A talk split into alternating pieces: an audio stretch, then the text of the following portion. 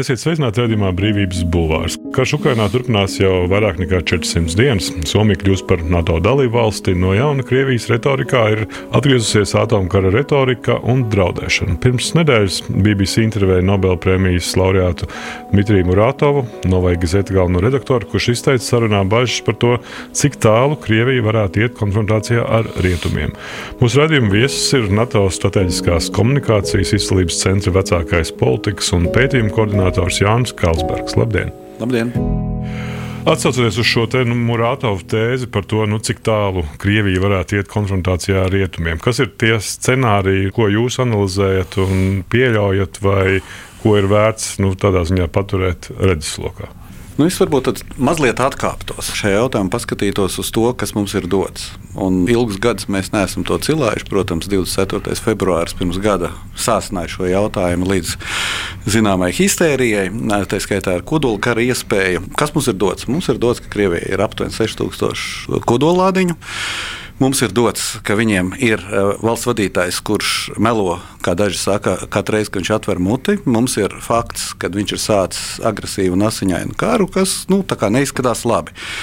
Uh, šī gada laikā mēs esam jau daudzkārt dzirdējuši uh, Krievijas, tā skaitā arī valsts vīru draudus rietumu sabiedrībai principā, ja pat tā precīzi saka, 14. gads bija pirmais, kad Putins pateica un atklāti teica, ka viņš bija gatavs lietot uh, kodolieročus pirmajā kara fāzē, 14. gadā. Tā kā nu, tie ir mums dotā informācija.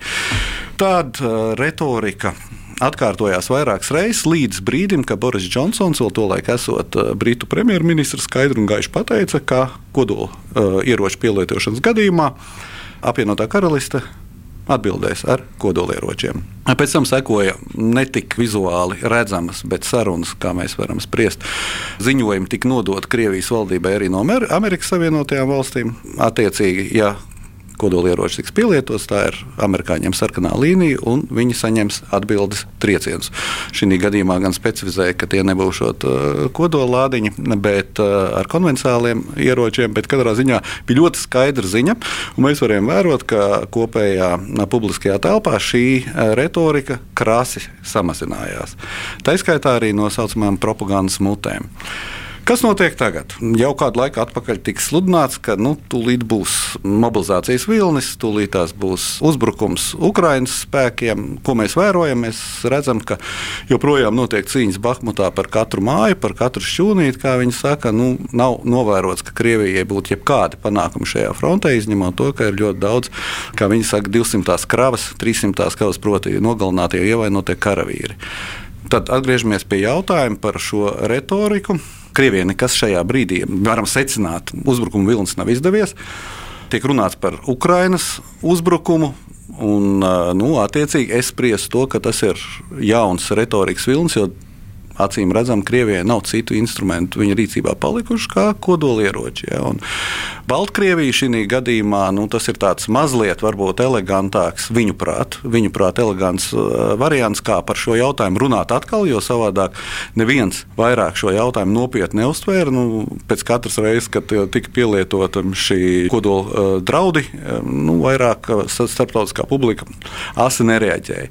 Atgriežoties pie tiem lieliem cipariem, šis draudz ir nemitīgi pastāvējis. Konkrēti runājot par Baltkrieviju, no tāda militāra viedokļa izvērtējuma, tas nemaina burtiski neko.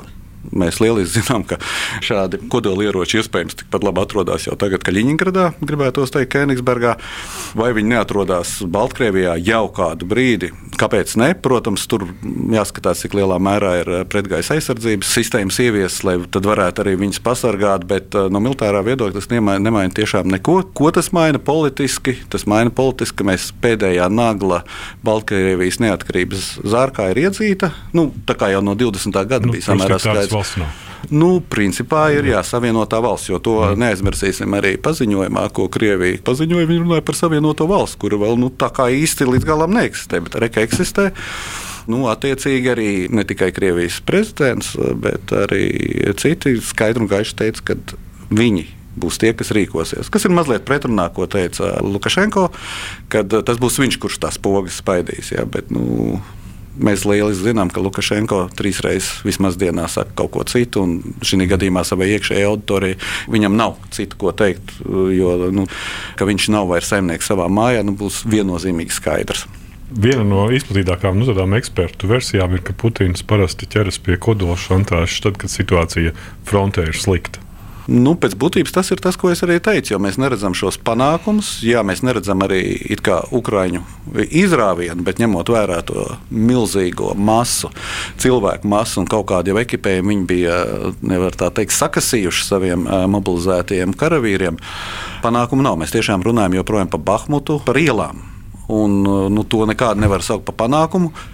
Iepratim potenciālam uzbrukumam. Mēs runājam par no Krievijas viedokļa lielām nepatikšanām. Tāpēc man arī tas secinājums ir, ka jau gatavojoties šīm nepatikšanām, tas ir kārtējais Putina izmisuma kliedziens. Apstājieties, ja? tas ir bīstami. Es esmu traks. Brīvība, robežas, personība, vara, tauta, ideja, viedoklis, nākotne, dzīve un attieksme. Raidījums Brīvības Bulvārs. Arī man liekas, pašā Vācu spīglī parādījās jautājums, vai Putinam nu, vai ir tāds atomkara plāns vispār. Vai ir kaut kas tāds zināms, ka šāds plāns pastāv? Nu, noteikti viņiem ir kaut kas tāds tikpat mitoloģisks. Eh, ir ieroči, pēc eh, neoficiālajām ziņām, eh, liela daļa, kā citas militārās tehnikas, viņi potenciāli nestrādā, nav bijuši uzlabojumi. Vai, tātad mēs nezinām, cik daudz no viņiem strādā, bet tomēr būtu prātīgi pieņemt, ka viena daļa strādā un ja 6000 ir aptuveni kodola galviņas, tad uh, pat ja 100 no viņām strādā, tas jau ir pietiekoši nepatīkami. Un tad mēs atgriežamies pie padomu laikiem. Ja, bija tā uh, saucamais angļuiski, viņš skan labi, med, savstarpēji nodrošināt iznīcināšanu, mutually assured destruction, kur laikā tiešām bija skaidrs plāns, eh, kurā tiek iznīcināts vai nu tajā līdz brīdim, kad uh, raķešu nesēji bija neprecīzāki, tad lielāka koncentrācija tika virzīta uz apdzīvotām teritorijām, galvaspilsētām, pilsētām, eh, rūpnieciskām vidēm. Ar to brīdi, kad raķetes kļuva precīzākas, tad jau parādījās divslāņu politika, kurā viena ir virzīta vairāk uz militāriem mērķiem. Šī neprecīzā iespēja tiks saglabāta, bet nu, tad bija šāds operacionāls plāns, kādā veidā iznīcināt pasauli, un viņš bija savstarpējs. Jā, kādā šī pasaule tiek iznīcināta. Kas attiecās uz šo režīmu, nu, kā mēs runājam iepriekš, kurš lielā mērā ir plutokrātisks, izmantojot uh, komunistu laiku valodu. Viņš tiešām ir plutokrātisks, un tur, man liekas, ir milzīga disonance ar, ar Ķīnu, kurā ir tomēr lielāka komunistu ideoloģija eksistējoša. Ja, un, uh, iznīcināšana nav tas mērķis savstarpējs. Tas plāns, iespējams, tas padomu plāns kaut kur eksistē, mērķi ir nosprausti, vismaz agrāk ir bijuši nosprausti, saglabājušies. Es minētu, ka tas plāns bija nodemonstrēt spēju parādīt, ka es tiešām esmu traks, uzspridzināt. Nu, tad ir jautājums, vai tā ir Ukraina vai tā ir kāda no tuvējām Eiropas vai tālākām Eiropas valstīm, bet nu, visticamāk kāda mazāk svarīga, kur nu, sakot, lai tie lielie spēlētāji saprot, nu, tā ir nopietna lieta. Bet tas, plāns varētu būt. Bet tas viņa uzvedības nu, modelis, tas vadības stils liecina par to, ka, nu, ka viņš vada pats šos procesus. Tas ir, ro, tas ir rokdarba process. Ja? Viņš ir rokdarbinieks, jo, ja mēs skatāmies pēc doktrīnas, Krievijas doktrīna joprojām pirmo uzbrukumu neatzīst, viņi tikai atbild aizsargāt savu teritoriju. Ja mēs skatāmies, ka daļa no teritorijas, nu, pēc Krievijas likumdošanas, proti, okupētā uh, Ukrainas teritorijām, kā Harkivas un uh, Helsinas daļām, kuras tika atbrīvotas, un viņas jau Krievijas likumdošanā tika pasludināts kā Krievijas teritorija, nu, nekas nenotika. Tas ļauj secināt, ka tas ir jā, tāds rokdarbinieka darbs. Ja skaties, kā es māku, tūlīt salikšu. Un tas arī neko teiksim, laba mums neliecina, jo tas nozīmē, ka nu jā, viņš nodarbojas ar šo procesu. Es tagad padomāšu. Divas paudzes ir nodzīvojušas bez kodolkara draudiem, bet šis periods ir beidzies. Vai Putins nospiedīs kodolpogu vai nē? Kas zina? Neviens to nezina. Nav neviena cilvēka, kurš varētu to droši pateikt. Mēs redzam, kā valsts propaganda sagatavo cilvēkus domāt, ka kodolkarš nav nekas slikts. Tā televīzijas kanālā BBC stāstīja Novēga Zeta galvenais redaktors Dmitrijs Maratovs, kurš ir arī Nobel miera prēmijas laureāts. Viņš stāsta, televīzijas kanālos Krievijā kodolkaru un kodolieroču reklamē tā, it kā reklamētu barību mājdzīvniekam. Viņi paziņo, mums ir šī raķete, tā raķete, cita veida raķete. Viņi runā par uzbrukumu Lielbritānijai un Francijai, par kodola raķešu izraisītu tsunami, kas izskalotu Ameriku. Kāpēc viņi to saka? Lai cilvēki Krievijā būtu gatavi. Tā BBC stāstīja Dmitrijs Murātovs. Jā, nu, viņš arī teica, ja, ka tas ir tas pats cits, bet radiācijas veids, kas apsturo skatītājs. Nu, ko tur lai teikt? Nu, nevar nepiekrist, ka tā ir ļoti spēcīga radiācija, ka cilvēki tiek pieradināti. Nu, viņi ir pieradināti pie ļoti daudz kā jau Krievijas sabiedrība. Un skaidrs, ka retorika tiek eskalēta ar vien augstāk un augstāk. Nu, kāds ir atrisinājums? Un tas ir viss, ko mēs no vienas puses ar nepacietību gaidām, cerot, ka tas ir pozitīvs risinājums. Bet, protams, tīri objektīvi mēs neviens nedrīkstētu izslēgt arī scenāriju, kurā kodolieroči tiek pielietoti. Vienkārši nu, šādi ieroči eksistē un tas ir jāpieņem kā dots. Mēs dzīvojam šādā šī gadījumā nedrošā pasaulē pietiekoši ilgi. Es neatceros, no kura gada bija tas Doomsday Clock vai pēdējās dienas pulkstenis, ko zinātnieki skaita. Viņi ir tiesa samērā dīvaini viņa skaita, bet nu, tāds ir visu laiku tikšķējis. Ja, mums ir jāapzinās, ka šādi, šādi riski pastāv, bet es neredzu arī nekādu iemeslu ķert lielu paniku, jo nu, tas tiešām šī gadījumā nav nekas jauns.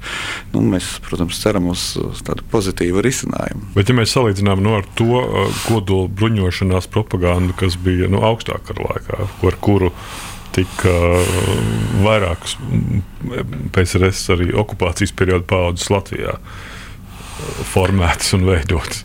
Jā, izklāt balts palags ar kājām pret triecienu vilni, lai pasargātu galvu. Jā, Jā, kaut ko tādu retorikā, nu, šajā propagandas retorikā, ko šobrīd izmanto Krievijā, tā ir tā pati stratēģija, vai tas ir kaut kas mm. jauns un savādāk? Diemžēl, ja mēs runājam par padomu laiku, un augstākā ar vēsturi. Mēs tiešām varam runāt par stratēģiju. Šī gadījumā jāpiekrīt pie tiem Putina novērotājiem. Putinu novērotāji, kuri saka, ka viņam nepiemīt strateģiskās domas kā tādas. Viņš nespēja domāt strateģiski. Man jāpiekrīt, un tas lielā mērā atgādina tādu banditisku izreikināšanos. Man ir vienkārši liels ierocis, un jums no manis būs baidīties. Salīdzinoši ar augstākā kara un komunistu draudiem pasaules drošībai, man ar negribēšanu jāatzīst, ka viņi viennozīmīgi bija daudz atbildīgāki. Tur bija sistēma, tur bija kaut kāda atskaites punkta.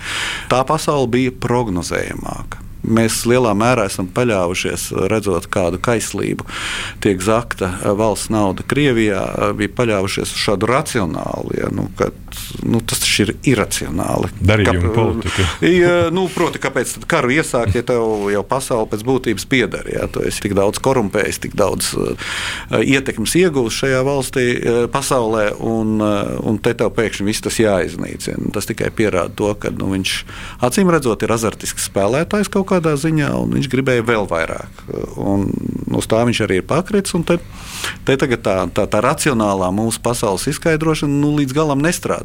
Joprojām ir uh, zināms pamats domāt, ka viņš uh, visnotaļ rūpējās par savu drošību, kas pieder pie tādas mūsu racionālās domas atskaites punkta, nu, kad viņš tomēr viņam ir bail no nāves. Ja, un, un, un līdz ar to mēs joprojām ceram uz uh, iznākumu pozitīvu, ka tas ir vairāk blefs. Viennozīmīgi, viennozīmīgi zinām, ka lielākā daļa uh, elites, ja tā var saukt, kas ir viņam apkārt, uh, pēdējās sarunas, kuras tika palaistas pasaulē, Prigožina, kurš nav slavenā Vāgnera īpašnieks, cits Prigožins, Josefs Prigožins, nu, atklāja ko tiešām domā elites. Jautājums, cik viņas būs rīcības spējīgas, ja gadījumā pēc valsts vadītājs izdomās, ko pasākt šajā jautājumā, vai nē, vai viņas būs spējīgas uh, viņu apturēt šajā brīdī vai nē. Radījums Brīvības Bulvārs. Sarunas par to, kas notiek un ko mēs par to varam domāt. Saruna ar NATO strateģiskās komunikācijas un izcēlības centra vadošo pētnieku Jānu Karlsbergu. Pagājušajā nedēļā arī vairākos rietumu mēdījos tika nopludināti tā saucamie vulkānu faili, kas ir uh, Krievijas IT uzņēmums, kurš nodarbojās ar dažādu veidu kiberuzbrukumu organizēšanu. Un, um, šeit arī studijā runājām ar Sergeju Medvedevu, kas ir radio svobodas žurnālists un politologs uh, Prāgas Universitātē. Un, nu, viņš norādīja šo haosu eksportu, ar ko Krievija nodarbojās visu šo laiku. Arī šie nopludinātie faili nu, rāda, ka piemēram Latvija no visiem šiem kiberuzbrukumiem pēdējā gada laikā nu, Latvija vai Lietuva ir apmēram 4% ir veidojis, kas ir pietiekami Nu, liels procents tomēr mm salīdzinoši vai šī stratēģija nu, vēl aizvien tiek izmantota un kādā veidā viņa tiek monitorēta no mūsu puses. Nu, tas Bet ir tas apzināti veidot stratēģiju. Prot, ne, protams, Jā. tas jau ir no padomju laikiem. Tas ir pēc būtības mantojums, jo mēs sākam nu, atkarības un caur atkarību veidot arī hausa eksportu. Principā mēs 70. gados bija tas brīdis, kad Padomju Savienība pieņēma šo lēmumu, kad uh, viņiem ir rietumi jāuzliek uz enerģijas avotu adatas. Un šī gadījumā tas nav ne tuvu Putina vai viņa viņa kliķis, kā agrāk teica, radīts produkts. Viņi ir toties veiksmīgi viņu turpinājuši un to izmantojuši. Bet tas ir, nu, tas šī gadījumā ir atkarības vairāk, bet, nu, caur atkarību, protams, vienmēr var veidot, tas ir instruments, kā palīdzēt veidot arī haosu. Nu, haosu veidot, principā, nav īpaši dārgi, bet ļoti efektīvi. Nu, es uh, nedomāju, ka šis instruments viņiem ir zudis. Vēl jau vairāk es domāju, ka principā visās ne tikai kaimiņu valsts, arī NATO valstīs, citās valstīs, ir eh, pa šiem gadiem veidots apzināti, nosauksim viņu tā par aģentu tīklu, un tas nevienmēr aģentu tādā ziņā, kurus mūsu drošības dienesti ļoti labi ir izlikuši aiz borta, eh, bet eh, dažādi vai nu tie ir šie noderīgie idioti, vai tie ir cilvēki, kur tiešām caur kādiem fondiem, domnīcām vai vēl kaut kur ir saņēmuši finansējumu. Par lielu baudu, par nelielu naudu, liela bauda un, eh, un tas nemaksā dārgi. Eh, šī brīdī es domāju, viņi lielā mērā nav virs ūdens izniruši, jo nu, fonds ir nepateicīgs, joprojām atbalsts, nu, teiksim, ja runājot par Latviju, tad atbalsts Ukrainai tomēr ir ļoti izteikts. Tas nebūtu populāri. Mēs neesam līdz tām grūtībām nonākuši, par kurām mums draudēja. Ziema ir praktiski beigusies, un mēs neesam nosaluši. Vācijā mēs redzam vairāk šādas kustības. Mēs redzam, ka ir eh, nu, ar labējiem saistīta ļaudis, kur ceļot, kā, kā, cik es zinu, ceļo no vienas pilsētas otru, veicot uh, troksni. Neteiksim, ka viņš arī ir ļoti veiksmīgs, bet tā doma, ka šie cilvēki tur ir Un vienā brīdī, caur dažādiem stāstiem, dažādām situācijām, mēs jau nezinām, kurā brīdī kas būs nākošais. Ja šī gadījumā ja enerģija neizdevās, ja enerģija būtu izdevies, nu tad, protams, mēs taču teicām, ar lūk, ir enerģija, mēs brīdinājām. Nu, pilnīgi noteikti mēs varam sagaidīt, jau tagad redzam, kā atgriežas kultūras dimensija. Kultūra taču nav politika, nejauciet. Tāpat mēs redzam ar sporta olimpiskajām spēlēm Parīzē. Saka, sports nav politika. Ne, protams, rietumu valstīm visticamāk tā nav īpaša politika. To mēs redzam kā sportisti cīnās par uh, fondiem, bet uh, Ķīnā, Krievijā, autoritīvās, autokrātiskās valstīs tā, protams, ir politika, ļoti būtiska politikas sastāvdaļa, viņu veiksmas, nu, panākumu redzams uh, produkts. Jā, un... teikt, arī tā krievu komponistu skaņdarba atskaņošana ir daļa no šāda veida. Nu, vai arī, vai arī jā, rakstnieku, jā, Čehovi un Puškini un tā tālāk. Es personīgi laikam tomēr saprotu, ka arī nu, Lietuva ir skaidri paziņojusi, ka mēģināsim atturēties no jaunu vismaz iestudējumu veidošanas. Nu, viņš ir vienmēr ķersies ar to, kas ir uh, diskutablāks. Un šī gadījumā mēs pieķeramies jau pie mirušiem autoriem, ja, kas nav saistīti ar šodienu.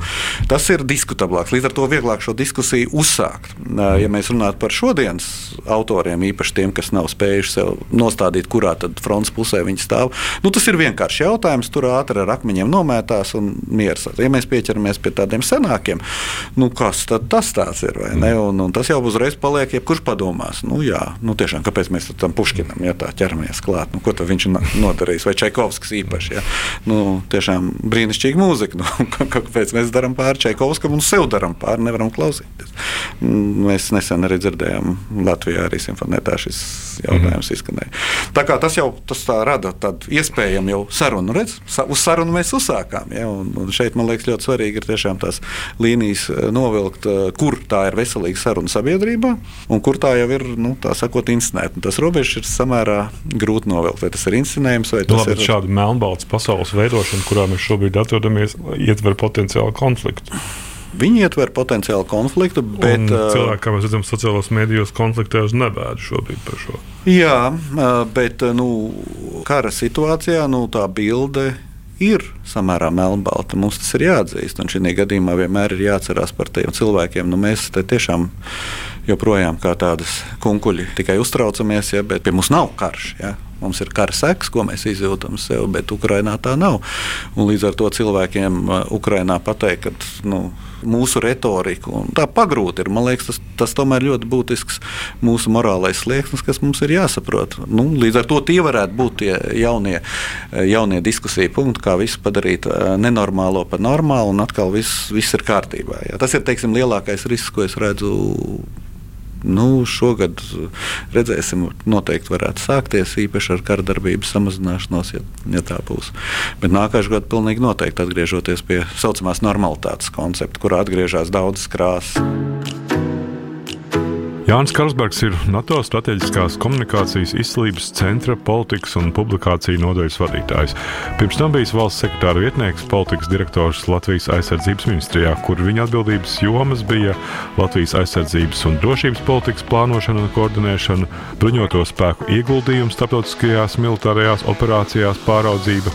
Aizsardzības ministrijā vadījis starptautisko attiecību un divpusējās militārās sadarbības projektus. Bijis aizsardzības padomnieks Latvijas misijās starptautiskajās organizācijās, kā arī bijis Latvijas aizsardzības padomnieks Eiropas drošības un sadarbības organizācijā Vīnē, Austrijā, un vēlāk arī vadījis Latvijas aizsardzības ministrijas pārstāvniecību NATO un Eiropas Savienībā Briselē. Viena no versijām, nu, kas pēdējā laikā izskan arvien biežāk, ka karš Ukrainā būs nu, teikt, uz izturību un ilgs. Kā jūs nu, šo versiju? Nu, es domāju, ka. Un, un kas no tā izriet? Krievijas konflikts. Jā, viņš arī varētu, protams, ilgt. Tas ir ļoti atkarīgs no tā, kāda būs iekšējā dinamika eh, Krievijā. Nu, mēs redzam, tikko jau runājam, cik daudz cilvēku ir emigrējuši. Un pilnīgi noteikti emigrējuši ir tie, kas vairāk atbalsta rietumu vērtības un labprāt iekļautos eh, rietumu pasaulē. Nevelti viņi aizbēguši turieni. Bet uh, tas, kas mūsu priekšdienās gaida, un tā nebūtu nav Krievija, Krievija ir vasalis pēc būtības vienai citai lielai valstī. Un, nu, tur tā dimensija, ja mēs palasām oficiālos arī Ķīnas komunistiskās partijas tekstus, nu, principā tiek runāts par globālu Ķīnas komunismu. Līdz ar to Taivāna ir tikai viens jautājums, tas ir tāds sakot, bērna solis tuvākā reģionā, bet līdz ar šo šie paši jautājumi, šie paši jautājumi ko mēs patreiz vairāk no sava redzes punkta Latvijā skatāmies uz Krieviju, tad principā tie paši jautājumi daudz lielākā mērā attiecās uz nākotni, kurā Krievija ir tikai vasals. Mūsu interesēs, protams, ka Krievija kā daļa arī geogrāfiski tomēr pieder pie Eiropas, nu, ka viņa būtu Eiropas sastāvdaļa. Nu, pagaidām pamatu es to neredzu. Diemžēl tur jāskatās iekšējā dinamika. Man ļoti grūti prognozēt režīmu maiņu noteikti notiks. Tas ir skaidrs, tas ir neizbēgami. Vai tas ir šogad vai nākošais gads? Nu, vai pēc pieciem gadiem vai ilgāk? Nu, godīgi sakot, es tik ilgi nedomāju, ka viņi izturēs paši iekšienē. Ja, ja, ja veselība uh, turēsies, tad gan jau kāds tomēr palīdzēs. Nu, tik ilgi es, es neliktu tik ilgi.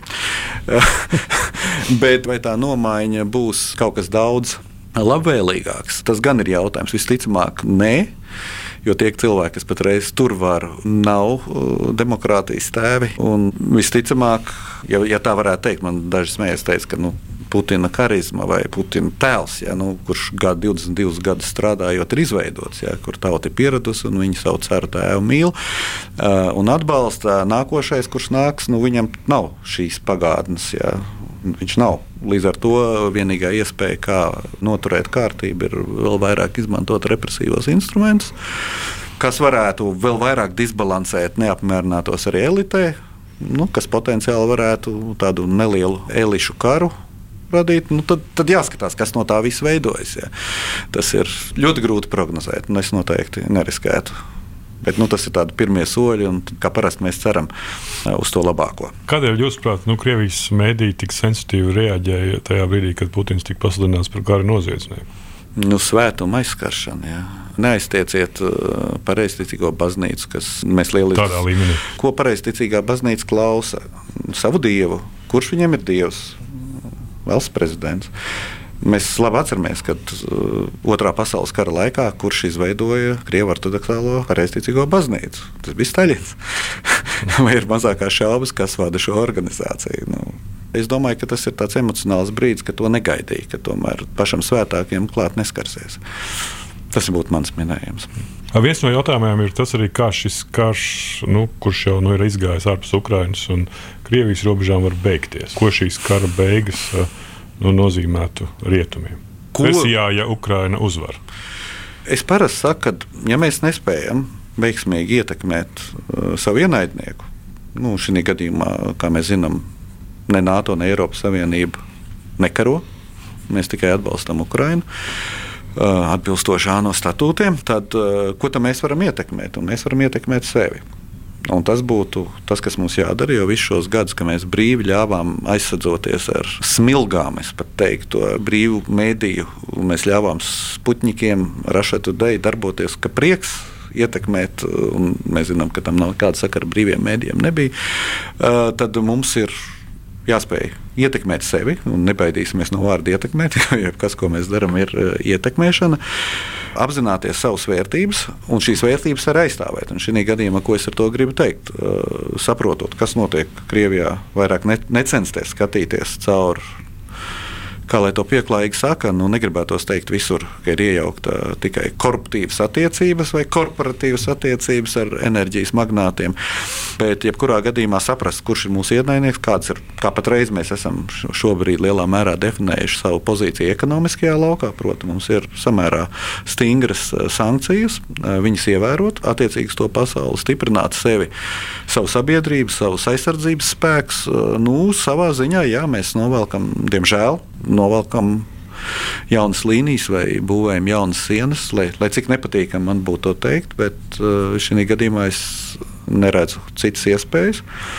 Zinām, dialogu, nu, diplomātija vienmēr mums pat uh, diplomātiska attiecības arī ar Ziemeļkoreju. Nu, attiecīgi, cerību mēs zaudēt nedrīkstam. Mums ir jāturpina mēģināt arī pārraidīt brīvās pasaules viļņus, kā reiz vakar bija tikšanās arī ar Amerikas balss pārstāvjiem. Nu, es atceros, kā mēs klausījāmies tajos laikos, ka šī brīvās pasaules ziņas nonāca pie mums, un tur ir cilvēki, kuri to klausās. Pēc datiem nemaz nav tik maz to klausītāju. Krievijā aptuveni esot 10%, kas klausās šos viļņus. Tā kā nu, tas ir tas, kas mums ir jādara, jāapzinās sevi. Ja, ja mums mūsu vērtības ir kaut kā kā vērtas, tad viņas ir jāaizstāv. Jāapzinās, kā attiecības izveidosies ar Krieviju, kāda viņa pati būs. Tas jau tas lielākais pārmetums. Nu, lielākā daļa saka, ka ilūzija ir, ka Krievija var veidoties par kādu demokrātisku valsti. Mūsu izpratnē, nē. Es domāju, ka mūsu izpratnē, diemžēl, nē. Nu, viņiem ir jāmeklē savs modelis, kā viņi grib dzīvot, kādas ir viņu vērtības, kā viņi grib uzturēt saikni ar ārpasauli. Nu, tas tiešām ir Krievijas jautājums. Nu, mūsu gadījumā, tā kā viņi nedzīvo joprojām izolētā pasaulē, diemžēl, kas attiecās uz ekoloģiju, nu, tagad ekonomikas jomu mēs esam krietni samazinājuši. Šī saikne paliek, nu, mums attiecīgi savi signāli jāraida. Nu, tāpat kā mēs raidām signālus kosmosā, kuri dievs zina, kur paliek, vai kāds viņus uzķer, nu, mēs to darām. Ja, katru dienu tiek noraidīti šie signāli. Nu, tāpat mums jāturpina raidīt savus signālus, kas esam mēs, ko mēs gribam, uz kādiem spēles noteikumiem mēs esam gatavi spēlēt. Ja mēs paši no tā atkāpsimies, uz ko, protams, hausa eksportētājs cer, jo sliktāk mums. Paldies! Tas bija NATO strateģiskās komunikācijas izcelības centra vecākais politikas un pētījumu koordinators Jānis Kalsbergs. Mans vārds ir Gins Grūbe, un raidījumu ierakstīja Toms Šits un montēja Nora Mitspapa. Paldies! Brīvība ir brīvība, nevienlīdzība vai taisnīgums, vai kultūra vai cilvēks laime. Tā teica Iesai Berlīns. Sarunas ar brīvas apziņas un ideju cilvēkiem - radījumā Brīvības bulvārs.